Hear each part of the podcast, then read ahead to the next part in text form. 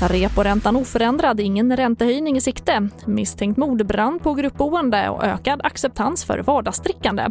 Ja, först i TV4-nyheterna. Riksbanken låter reporäntan ligga kvar på 0% och enligt Riksbankens prognos så kommer nollräntan att vara kvar till 2024. Frida Bratt är sparekonom och berättar vad det här beskedet betyder.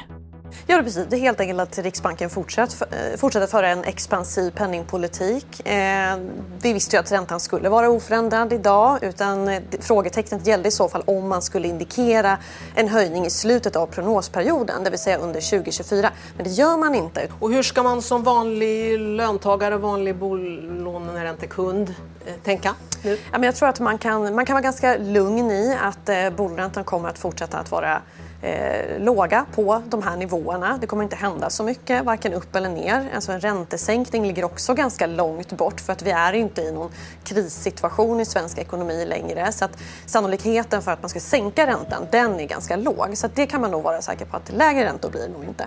Och mer kring räntebeskedet kan du se på tv4.se. Och den brand som härjade på ett gruppboende i Norrköping under morgonen misstänks vara anlagd. En man har gripits och är misstänkt för mordbrand, rapporterar SVT. Branden startade i en lägenhet på andra våningen och spred sig till vinden. Räddningstjänsten konstaterade snabbt att ingen människa fanns kvar i byggnaden.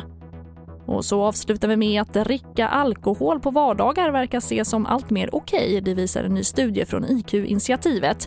Hälften av svenskarna tycker att det är okej okay att ta ett glas vin eller två en vardag. Och det är en ökning med 10 procentenheter sedan 2015.